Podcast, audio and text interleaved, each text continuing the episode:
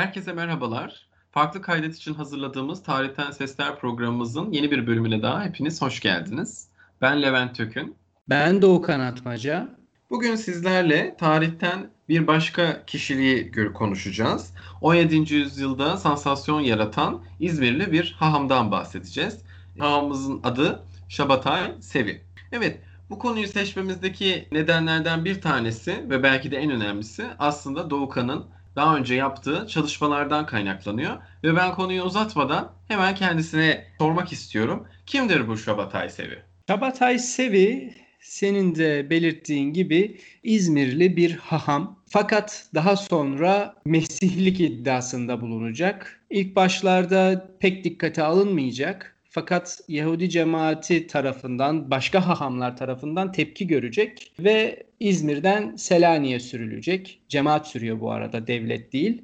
Daha sonra Selanik'ten de Mısır'a, Mısır'dan Kudüs'e, Kudüs'ten tekrar Mısır'a, İzmir'e, İstanbul'a böyle seyahatlerle bir mesihlik kariyeri, bir mesihlik macerasına atılacak aslında. Birazcık dönemden bahsetmek gerekiyor. 17. yüzyıl Osmanlı İmparatorluğu'nda Kabala çalışmalarının çok öne çıktığı bir dönem. Yani dünyanın belki de Yahudi merkezi Osmanlı İmparatorluğu. Şabatay Sevi'nin takipçilerinden birisi mesela e, Portekiz'den kalkıp İzmir'e geliyor ki çalışsın, e, Kabala çalışsın. Safet bugün İsrail-Filistin bölgesindeki Safet şehri önemli bir merkez. Selanik belki de dünyanın nüfus oranı en çok Yahudi barındıran tek şehri o dönemlerde ve sürekli bir göç var Osmanlı İmparatorluğu'na. Aslında bir mesihlik beklentisi Avrupa'da var.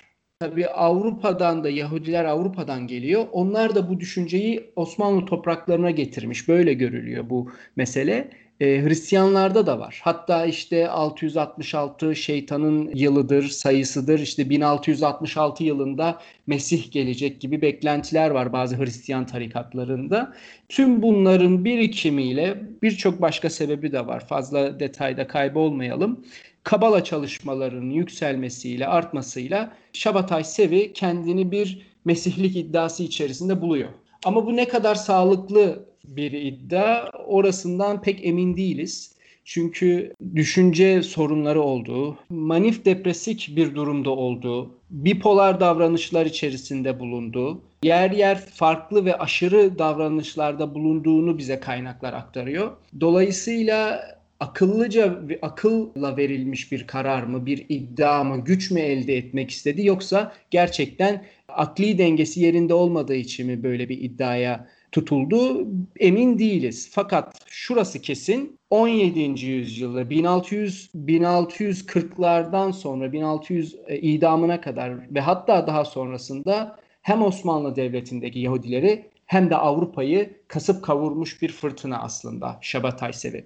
Öyle ki Avrupa'dan ziyarete gelenler oluyor tutukluğu esnasında. Mesela yani büyük bir çağrı. Evet, evet, evet.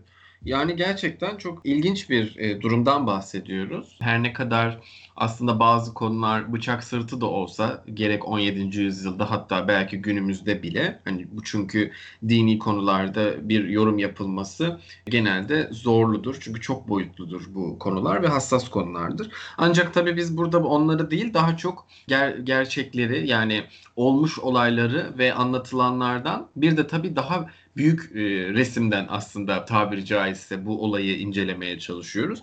O yüzden ben bir genel bir soru sormak istiyorum ama tabii bunu özele indirerek de cevaplayabilirsin. Şimdi 17. yüzyılda biz Avrupa'da senin de dediğin gibi çok değişik yani sadece dini konuda değil tabii siyasi ve ekonomik konuda da aslında çok farklı işte savaşlar görüyoruz, e, yönetim değişiklikleri görüyoruz, devlet ilişkiler vesaire. Hatta onun öncesinden gelen e, senin de çok iyi bildiğin gibi işte e, ikinci Bayezid sonra işte Kanuni gerek Yahudilerin Osmanlı'ya işte sığınması, alınması vesaire bunlar aslında çok uzun soluklu sonuçları da olduğunu gösteren olaylar tarihte. Şimdi benim sorum şu şekilde olacak. 17. yüzyılın bu havasında veya işte o, o zamanki yüzyılların havasında aslında Osmanlı'da Yahudiler bir nevi ve tabii Hristiyanlar ama e, konumuz asıl burada Yahudiler olduğu için öyle soruyorum.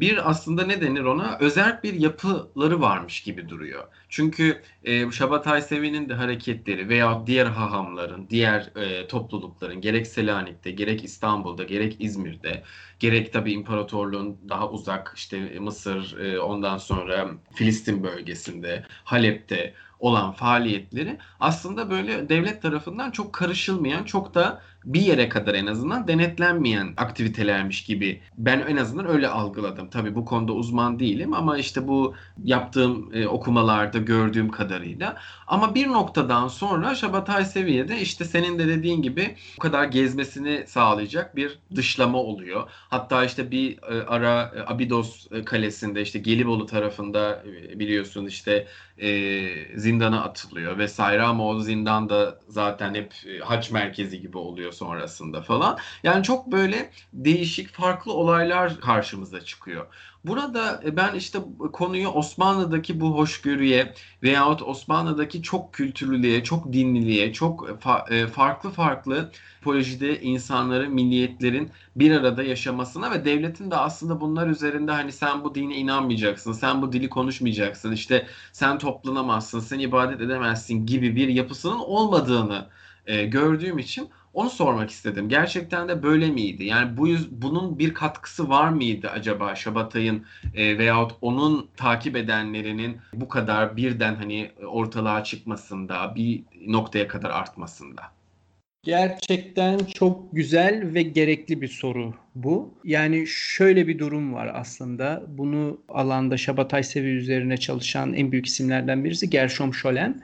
Aslında Almanya yahut Polonya'dan bir Mesih çıkmasını bekliyorlar yahut daha mümkün gibi görünüyor ama neden Osmanlı topraklarında çıktı cevabını o da arıyor. Buna hı hı. kesin cevap vermek kolay değil. Fakat evet yani Osmanlı'nın bir cemaatlere karışmama durumu söz konusu ama bu hoşgörü müdür? Değil midir? Burası biraz yoruma açık. Yani senin ne yaptığına karışmazsam bu acaba benim hoşgörüm müdür?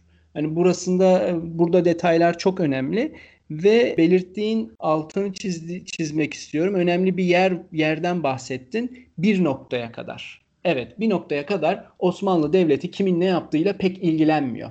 Sen istediğini yap, kavga çıkartma, düzeni bozma, vergini öde, ne yapıyorsan yap. İstersen git İbranice ibadet et, Ladino yani işte İspanyolca duanı et, Hristiyan ol, Protestan ol, Katolik ol. Osmanlı Devleti bunlarla e, ilgilenmiyor. Müslüman cemaatler için de böyle bir şey söz konusu ama bir noktaya kadar. Ve bu bahsettiğimiz dönem 17. yüzyıl hem Avrupa'da hem de Türkiye'de Osmanlı topraklarında dinin devlet eliyle düzene sokulduğu bir dönem. Biz aynı yıllarda 1640, 50, 60 80'lere kadar sürecek, 85'e kadar sürecek bir Kadızadeli hareketini de aynı dönemde görüyoruz. Devlet saray hiç İslam anlayışına uymamasına rağmen aşırı tutucu bir grubu, Kadızadeli grubunu destekliyor yer yer. Çünkü açıkça belli oluyor ki o dönemki politikalarına bu uygun. Ve bu Kadızadeliler bugüne gelmiş Sufi çevrelere karşılar. Gidip Mevlevi, Bektaşi, Halveti dergahlarını taşlıyorlar mesela. Şeyhleri dövüyorlar. Böyle de bir şiddet söz konusu. Ee, ama tabii işte devlet iş böyle kavga gürültüye gelince müdahale ediyor ve bu Kadızadelileri de yeri gelince destekliyor. Yeri gelince de bastırıyor. En son işte bunların liderini Kıbrıs'a sürmüştü. Çünkü bunlar işte ezan, namaz makamla okunmaz gibi görüşleri var. Her şey e, haram, işte tütün haram, kahve haram gibi görüşleri var. E, devlet bir yandan destekliyor bunu. Çünkü biliyorsun 4. Murat mesela değil mi kahveleri ve tütünü yasakladı. Neden? Politikasına uygun o zaman. Ama Doğru. daha sonra bakıyor işler karışıyor. Devlet bunları bastırıyor. Dolayısıyla bir hoşgörü müdür yoksa işe karışmamak mıdır? Oradaki ayrımı iyi yapmak gerekir. Dini özgürlük modern bir kavram fakat şunu söyleyebiliriz. Osmanlı Devleti'ndeki birçok haham, hatta Avrupa'da Osmanlı Devleti'ne hiç gelmemiş birçok haham, dünya Yahudilerine Osmanlı topraklarına gelme çağrısı yapıyor. Bu bilhassa daha önce başlamış bir olay aslında. Yani tabii 2. Beyazıt'ın 1492'de seferatları İspanya Portekiz'den alıp getirmesi ve daha sonra göç devam ediyor sürekli. İşte önce Livorno'ya gidiyor, İtalya'ya gidiyor bir aile, sonra İzmir'e geliyor, Selanik'e geliyor ve hahamlar mektuplar gönderiyorlar. Hristiyanların, kafirlerin topraklarında yaşamamıza, eziyet çekmemize gerek yok. Sultanın topraklarında, Türklerin ülkesinde özgürüz dinimizi, dilimizi kullanabiliriz, ibadetimizi yapabiliriz diyorlar. Böyle açık açık mektuplar var. Bunun da tabii ki 16. yüzyılda Kudüs çevresi ve Mısır'ın da fethedilmesi önemli. İşte daha öncesinde İstanbul'un fethedilmesi, Rodos'un fethedilmesi çok önemli. Çünkü Rodos'ta biliyorsun Katolik şövalyeler vardı. Yani Osmanlı'nın Katoliklere vurduğu her darbe o dönemde Yahudileri sevindiren ve ümitlendiren bir şey. Bunlar da aslında bu Mesihlik fikrini canlı tutan olaylar zihinlerde, Yahudi zihinlerinde. Çünkü şöyle ibareler var mesela. Şanlı Türk Sultanı Konstantinopolis'i aldı Hristiyanlardan, Rodos'u aldı Hristiyanlardan, sıra Roma'ya gelecek diyorlar. Böyle durumlar var. Hatta bir Yahudi e, paralar biliyorsun o dönem değerli madenlerden altın yahut gümüşten basılıyor ve bunun uçlarını keserler. Çünkü küçük gramda olsa gümüştür, değerli bir maden. Fakat akçeyi de hala kullanabilir. Böyle ucu kesik paralar görebilirsin müzelerde yahut e, koleksiyonlarda. Bir Yahudi bunu yaparken yakalanıyor. Bu suçtur. Bugün hala paraları kesmek, zarar vermek suçtur birçok ülkede. Ve en büyük tepki Yahudi cemaatinden geliyor mesela. Böyle Yahudi anasından doğmaz olsun gibi ibareler var hahamlardan. Sen nasıl sultanımızın adının yazılı olduğu işte parayı paraya hasar verirsin gibi. Dolayısıyla evet Yahudiler için bir cazibe merkezi Osmanlı Devleti ama bunu bu bugünkü modern anlamdaki hoşgörüyle aynı sebepten midir? Burasını açık yani burasını cevaplamak zor. Doğru. Evet, çok güzel bir cevap gerçekten. E, gayet kapsamlı. Hani her yerden gerek e, Avrupa'dan baktım, gerek Osmanlı içinden. Gerçekten tabii o de, o devirde hatta günümüzde bile herhangi bir tarihi olayı değerlendirirken böyle yapmanın faydalı olduğunu zaten ikimiz de düşündüğümüz için bir böyle bir soru sormak istedim. Ve e, tabii ki tarihi olayların da bulundukları e, çevrelerden ve dış koşullardan hatta işte sadece Osmanlı'dan değil etkilendiklerini de bu şekilde en azından bir nevi de olsa kanıtlamış olduk. Yine bir bağlantılı soru sormak istiyorum aslında.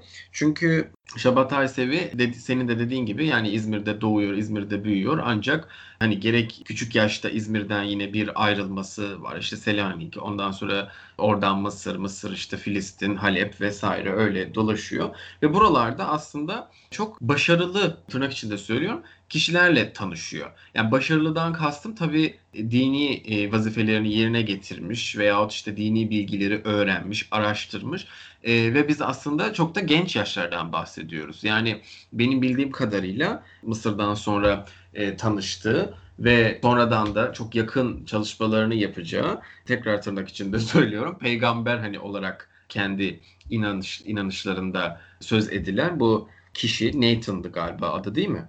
Evet Gazze'li Nathan. Gazze'li Nathan. O kişi mesela benim e, hatırladığım kadarıyla çok erken 22 yaşında bir insan ve oldukça ciddi ve derin bir dini e, bilgi birikimine sahip birisi. Aynı zamanda doktor diye biliyorum. Keza kendisi de yani Şabatay Sevi de çok iyi din bilgisi olduğunu yine okudum. Bu insanlar aslında çok küçük yaşta tabii eğitimlerine başladıkları için gerek dil öğrenmeleri, gerek işte din bilgileri öğrenmeleri aslında bu da bir ne denir günümüzdeki tabiriyle aslında kendini çok yönde yetiştirmiş insanlardan bahsediyoruz ve bunların e, arkasından belli bir güruhun, belli bir grubun gelmesine de mutlaka etkili olduğunu düşünüyorum. Yani biraz önce söyledik hani e, çeşitli zihinsel problemleri de var. E, işte makalelerde bipolar diye geçiyor. Manik depresif hareketlerin olduğundan bahsediliyor. Ama aynı zamanda belki de hani çok boş bir altyapısı olsaydı bilgi konusunda, işte hitabet konusunda vesaire bu kadar insan takip etmeyebilirdi diye düşünüyorum. Ama Osmanlı Devleti'nde ve işte hatta e, Avrupa'dan e, gerek gelen mektuplar, gerek işte oradaki basılan e, yayınlar e, ve e, söylenenler olsun, ziyaretçiler olsun yine Osmanlı'ya gelen e, insanların bir şekilde e, yüzde yüz belki onaylamasa bile yaptıklarını ama takip ettiğini, en azından ilgi gösterdiğini görüyoruz. E, mesela yine dün e, okurken makalelerden birinde şöyle bir ifade görmüştüm. Hristiyanlar da tabii bu Şabata'ya ilgi gösteriyorlar, arkasından gidiyorlar ama kendisini Mesih değil de sanki böyle Mesih'in öncülü, hani bir önceki kişi, habercisi gibi gördüklerini söyledi. Aslında bu da ilginç bir konu. Hani yüzde yüz inanmasa bile insanlar bir şekilde böyle bir değişim arıyorlar. Böyle bir farklı bir yorum arıyorlarmış gibi. En azından gelip ilgi gösterenlerden bahsediyorum.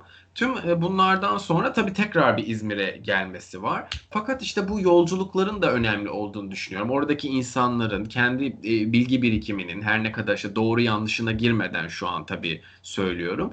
Orada tanıştığı dediğim gibi insanların ve kültürlerin önemli olduğunu düşünüyorum. Biraz önce bahsettiğimiz hani Osmanlı'daki bu çok kültürlülük ve tabii ki kendi e, Yahudilerin özellikle içlerindeki din eğitiminin çok küçük yaşta başlaması ve belki de kişisel başarısından kaynaklı diye düşünüyorum Şabatay'ın değil mi? Aslında Şabatay ilk Mesihlik iddiasını İzmir'deyken 1640'lı yıllarda bu iddiada bulunuyor ve kimse takmıyor aslında.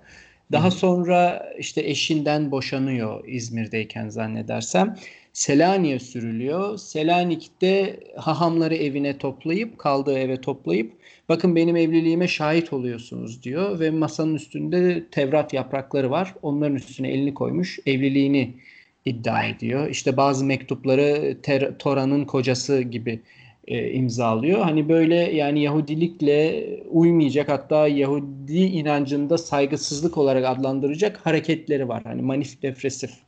Başarı kimi insanlar bunu Allah'tan gelen bir işaret olarak yorumluyor. Yani işte böyle deli aşırı hareketleri var. Akli dengesine uy, denge, uymayacak anormal hareketleri var ve bunlar işarettir gibi yorumlayanlar var. Fakat Şabatay asıl başarıyı yani kitleye ulaşmayı aslında Gazze'li Nathan'la tanıştıktan sonra elde ediyor. Gazze'li Nathan'la tanışana kadar Mesihlik iddiasında bir başarısı söz konusu değil. Hatta hep tepki alıyor. O da Nathan, Gazze'li Nathan bu Safet'ten bahsettik ya önemli bir Kabala merkezi Safet. Evet. Burada İshak Luria var. Onun öğrencilerinden Nathan, Hı-hı. takipçilerinden o ekolden geliyor. E, yani yine bir Kabala ortak noktası var burada. Zaten bu ilk Şabataistler Kabala üzerine çalışan ve mistik olması gerekiyor burada işin. Evet.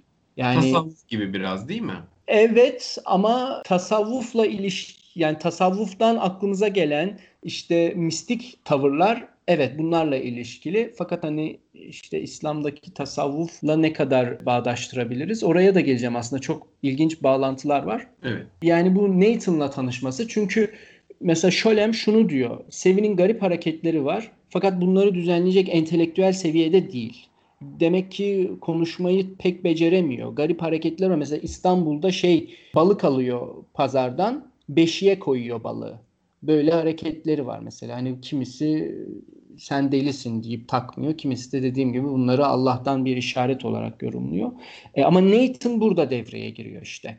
Çünkü Nathan'ın hem çevresi var. Kudüs, Gazze, Safet çevresi var. O onun doktrinin yani Şabatay Sevi'yi Sevi yapan Mesih yapan, iddiadaki Mesih yapan aslında Nathan. Tasavvufla ilişki şöyle bir ilişki olduğunu göz ardı edemeyiz. Zira Kadızadeliler dedim ya Sufilere karşılar. Evet. Devletin aynı dönemde Sufileri destek, e, Sufi karşıtı bu grubu desteklemesi de buna bir işaret gibi. Ve aynı şekilde Eminönü Yahudi mahallesi ve işte acaba bu olaylarla ne kadar bağlantılı? 1660 yılındaki yangından sonra e, Lucien Hoca'nın çok güzel bir makalesi var ve Hatice Turhan Sultan üzerine yazdığı ayrıntılı bir kitabı var. Bu konuda güzel kaynaklar.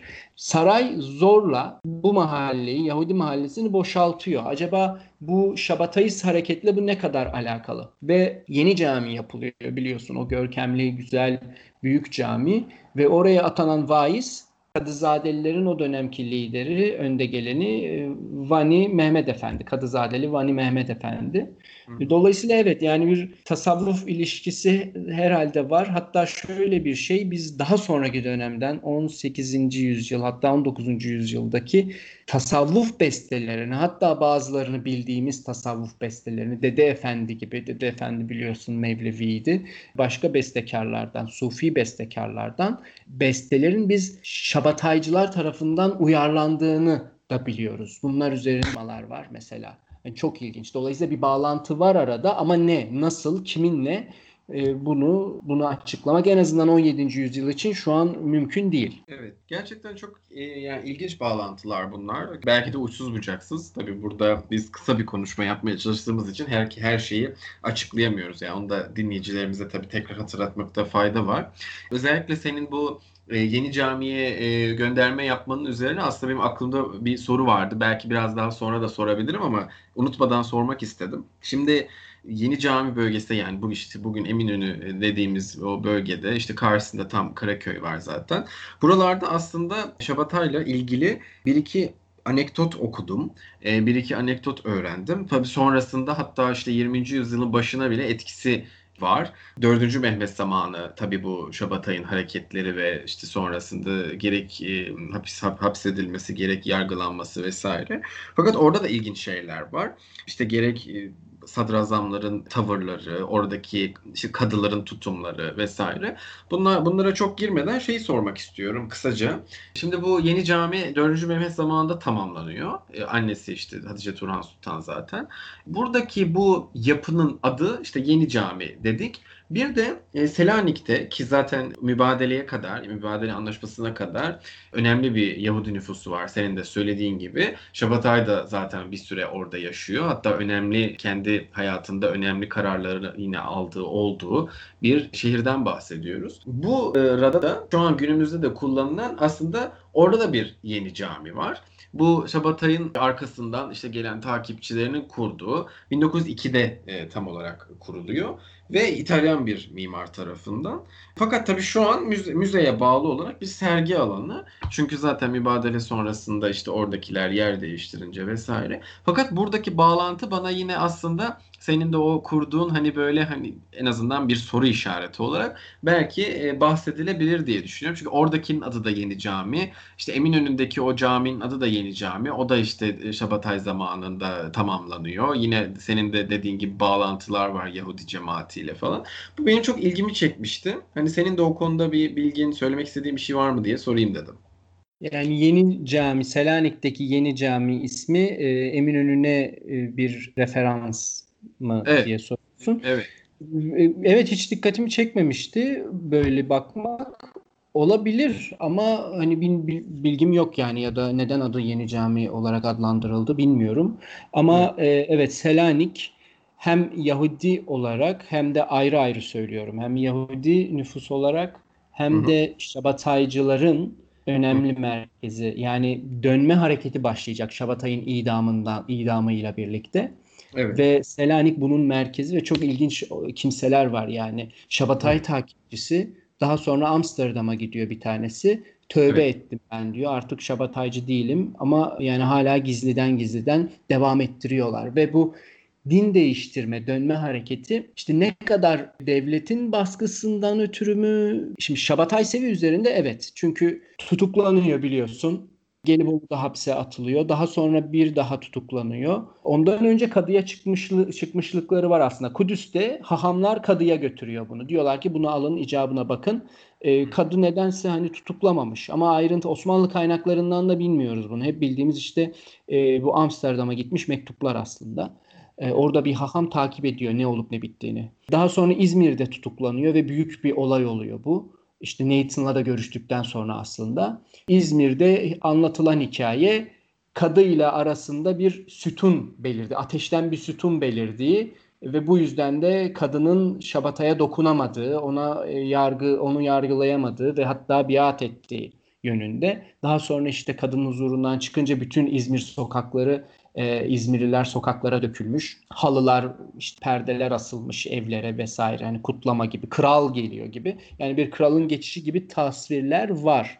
Ama Şimdi bunları nereden biliyoruz? Elçilerden biliyoruz, mektuplardan biliyoruz.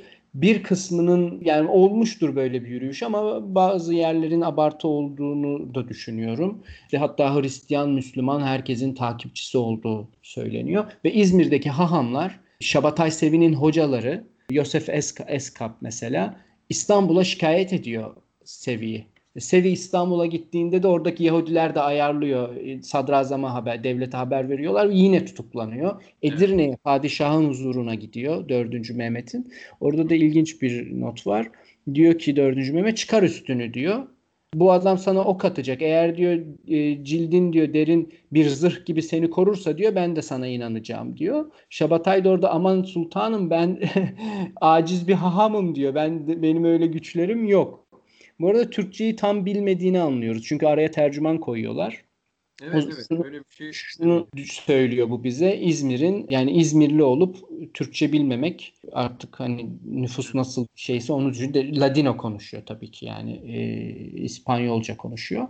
Evet. Böyle bir durum söz konusu. Evet, evet. Evet gerçekten yani bu senin de söylediğin gibi çok hızlı bir aksiyonlar dönemi yani hem onun için hem tabii devlet için bahsediyorum. Gerçekten böyle e, hızlı geri dönüşler de oluyor. Senin dediğin bu İzmir'deki hani gerçekliği ya da en azından boyutu tartışmalı olan o destek, işte yürüyüş, tören neyse adını söyleyebileceğimiz o. Oradan sonra işte senin yine anlattığın gibi İstanbul'a gitmesi, ayarlanması çünkü Yahudi cemaatinin aslında belki de büyük bir kısmı tarafından da reddedilmesi söz konusu burada. Yani dışlanması söz konusu. E, ki çünkü tutuklattırıyorlar. İşte e, belki öldürülmesini istiyorlar ama bir türlü Osmanlı da bunu uygulamıyor. Aslında yine yorumlardan bir tanesinde şunu görmüştüm.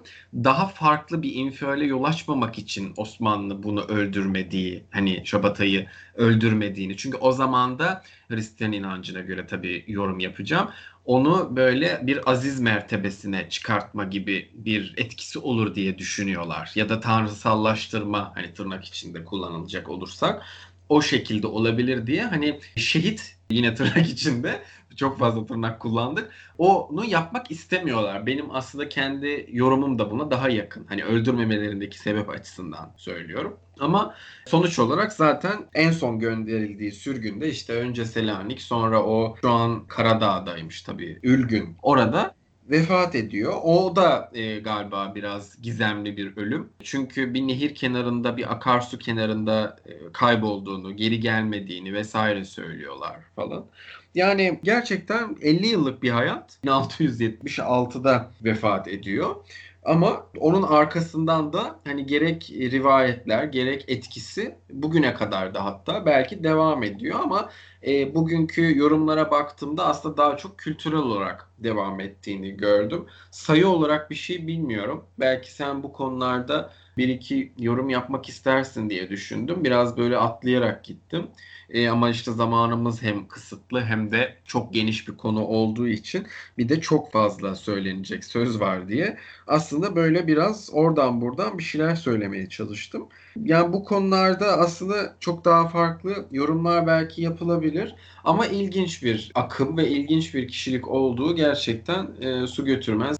Evet, bunun en büyük etkisi din değiştirme. Yani e, araya Sadrazam ve Vani Efendi yine giriyor. Vani Efendi, Kadızadelilerin lideri Şabatay Sevi'yi e, Müslüman yapan kişidir. Ve Sadrazam Köprülü Fazıl Ahmet Paşa olması lazım. Onun da dediği ya hani bu yerden sonra senin artık dönüşün yok. Seni idam edeceğiz ya da Müslüman olacaksın, kurtulacaksın. Müslüman olmayı tercih ediyor ve ona bir e, kaftan hilkat veriliyor. Bunlar önemli şeyler. Yani madalya gibi bir şey aslında. Halkın arasına da böyle çıkması sağlanıyor. Bunlar evet anlaşılan devlet bu hareketi bir şekilde böyle uygun bir yolla topaya gerek kalmadan bastırmak istiyor. Fakat Şabatayistlerin görüşünde de bu zaten gerekli. Yani kıyametin kopması için kurtuluşa erilecek çünkü. Kimliğin gizlenmesi gerekiyor. Böyle bu inanç yayılıyor. Ve o yüzden işte dönme hareketi diyoruz biz buna. Hani kripto Müslüman gizli Müslüman görünüyorlar. İşte Evet. yeni camiyi, Selanik'teki yeni camiyi inşa ediyorlar ama ilahilerine bakıyoruz. Kral Şabatay sen çok yaşa diyor. Tanrı'nın yeryüzündeki eli diyor. Kimi Tanrı diyor, kimi Tanrı'nın yeryüzündeki eli peygamberi diyor, kimi işte Mesih diyor. Böyle bir şey yani aslında yeni bir inanç gibi bir şey bu. Ve ilginç bir şey bir Şabatayist bir kimse Selanik'te şey yapıyor. Müslüman mahallesine gidip bir Rum buluyor, Ortodoks. Zorluyor onu. Diyor ki işte kelime-i şehadeti çeviriyor. Hani eşhedü en la ilahe illallah Allah'tan başka tanrı yoktur. İşte Şabatay'ın adıyla değiştiriyor. Peygamber e, yerine de Nathan'ı koyuyor mesela. Sonra Ortodoks Rum mahallesine gidiyor. Orada da bir Müslüman buluyor. Aynısını ona da yaptırıyor. Böylece diyor işte hani dinimizi birleştirdim, bize adam kattım gibisinden taraftar kattım. Yani böyle bir güç odaklı herhalde Hı hı. böyle bir macera aslında ve Evet. önemli olan bunun büyük bir etkisinin olduğu. Çok büyük bir etkisinin olduğu. Yani İngiltere'den, Avrupa'dan, Almanya'dan, Amsterdam'dan e, insanlar geliyor. Daha önce belirttiğimiz gibi. Bir ara elçilerin söyledikleri Yahudiler işi gücü bıraktı diyor. Hepsi Kudüs'e doğru yola çıktılar diyor mesela. Avrupa'dakiler için de işte İzmir'deki, Selanik'teki için de. Ama bu biraz abartı herhalde. Yani böyle bir şey olduğunu bilmiyorum. Düğün yapmayı bıraktılar, evlenmeyi bıraktılar, işlerini, dükkanlarını kapattılar gibi şeyler aktarılıyor elçilerden. Önemli olan bunun geçtiğimiz yüzyıla kadar hatta belki bugün de etkisini gizli bir şekilde artık ne kadar etkili bugün e, ayrı bir mesele ama geçen yüzyılda hala etkili bir şekilde devam ettiğini yani böyle de bir miras hani legacy diyeceğimiz bir durum söz konusu.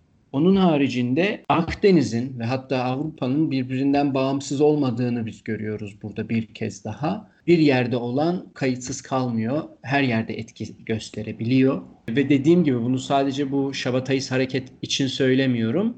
Avrupa'da olan da burayı etkiliyor. İşte bu dinin devlet tarafından e, işte bir düzene koyulması meselesi gibi. Bizdekiler de Osmanlı'da bunu yapıyor. Fransa'da bunu yapmış. İşte aynı dönemde İngiltere'de de benzer şeyler var ve bu Evet. tarikatların e, çıktığı bir dönem bu. İşte Cizvitler de zannedersem bu dönemde bu e, Quakers'lar falan var ya İngiltere'de. Evet, evet. işte bu dönemlerde çıkıyor. Hepsi böyle bir cemaatler ve bunların da aslında hani e, Türkiye'de Şabatayist dönme dediğimiz grubun işte. Hristiyan versiyonu olduğunu da söylüyorlar. Yani Yahudiler orada işte Kalvinist oluyor vesaire gibi. Ve tabii ki Osmanlı Devleti'nin dini meselelerde nasıl tepki aldığını buradan okuyabiliyoruz. O yönden çok ilginç bir çalışma aslında. İlginç bir Evet. konu.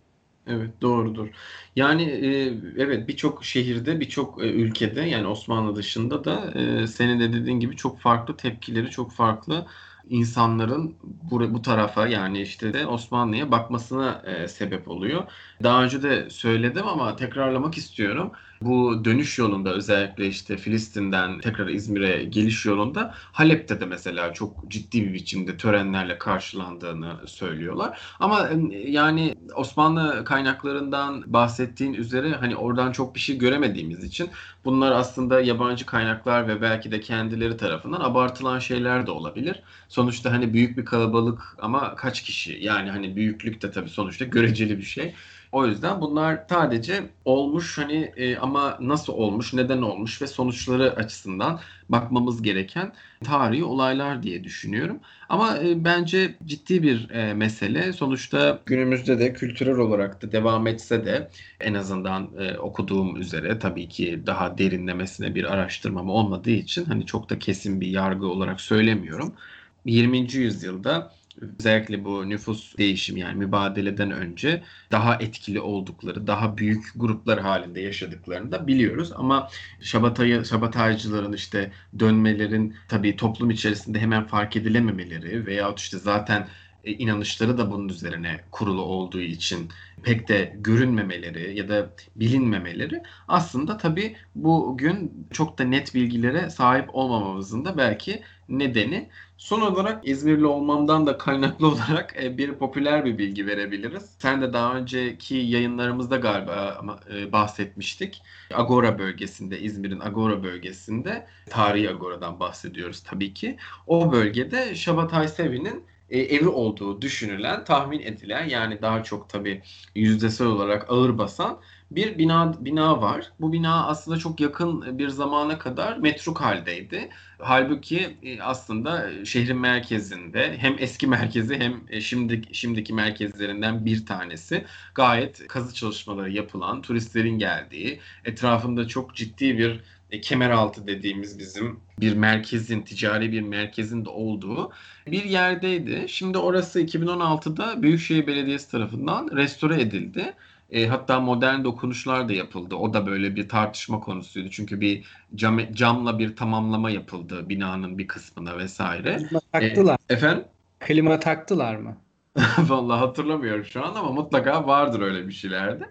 Ben gidip göremedim. 2016'dan sonra Agora'ya bir daha gidemedim ama bir sonraki İzmir İzmir'in içine inişimde görmeyi planlıyorum. Çünkü orası şu an sergi alanı olarak kullanılıyor ve galiba kazı evi olarak da kullanılıyor bir kısmı. Tam gidip görmediğim için şu anki halini bilmiyorum.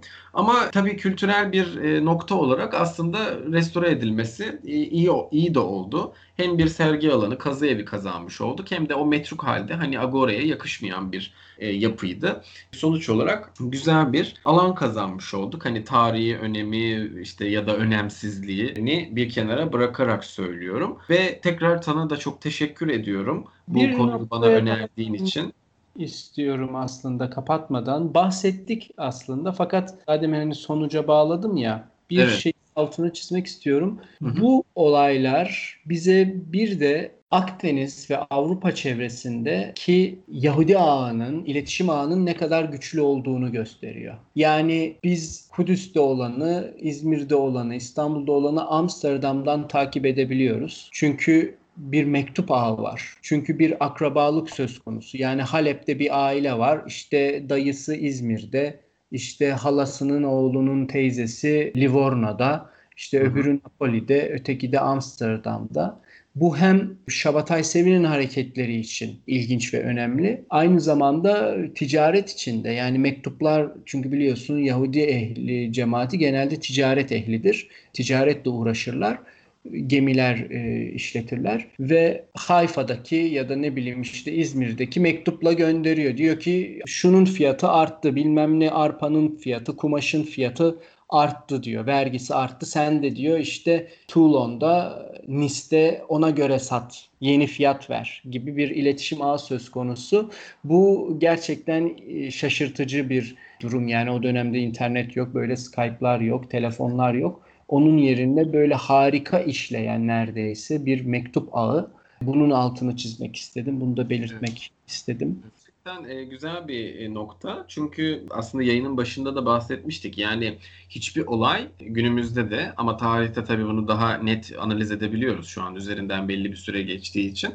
Hiçbir olay bağımsız değil bir başka olaydan ve bu coğrafyalar coğrafyalardan da bir bakıma bağımsız. Yani Kudüs'te olan bir olay aslında yine senin de dediğin gibi Almanya'da işte bugünkü tabii adıyla konuşuyorum. Polonya'da işte Aşkenaz topraklarında hissedilebiliyor. Oradan tekrar cevap gelebiliyor ve bunlar da aslında birbirini etkiliyor. E, nitekim zaten bu Yahudi cemaatinin hani sadece Osmanlı'daki değil yani Avrupa ve Anadolu'daki işte Kuzey Afrika'daki vesaire buradakilerin birbiriyle olan bağı bu e, yazışmaları aslında bizim belki bugün de bu kadar e, konuları ayrıntılı e, bu konudan şabataycılık konusundan konuştuğumuz konudan bahsediyorum.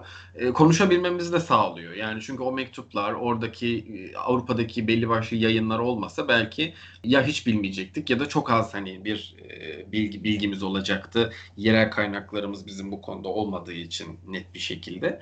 Ama yine de senin bu e, noktan gerçekten kapatırken de böyle bir genel e, yorum yapmamıza da neden oldu. Tekrar çok teşekkür ediyorum hem konu hem de aktardıkların için.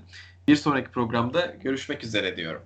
Ben teşekkür ediyorum. Bizi dinlediğiniz için çok teşekkürler. Bir sonraki programda görüşmek üzere.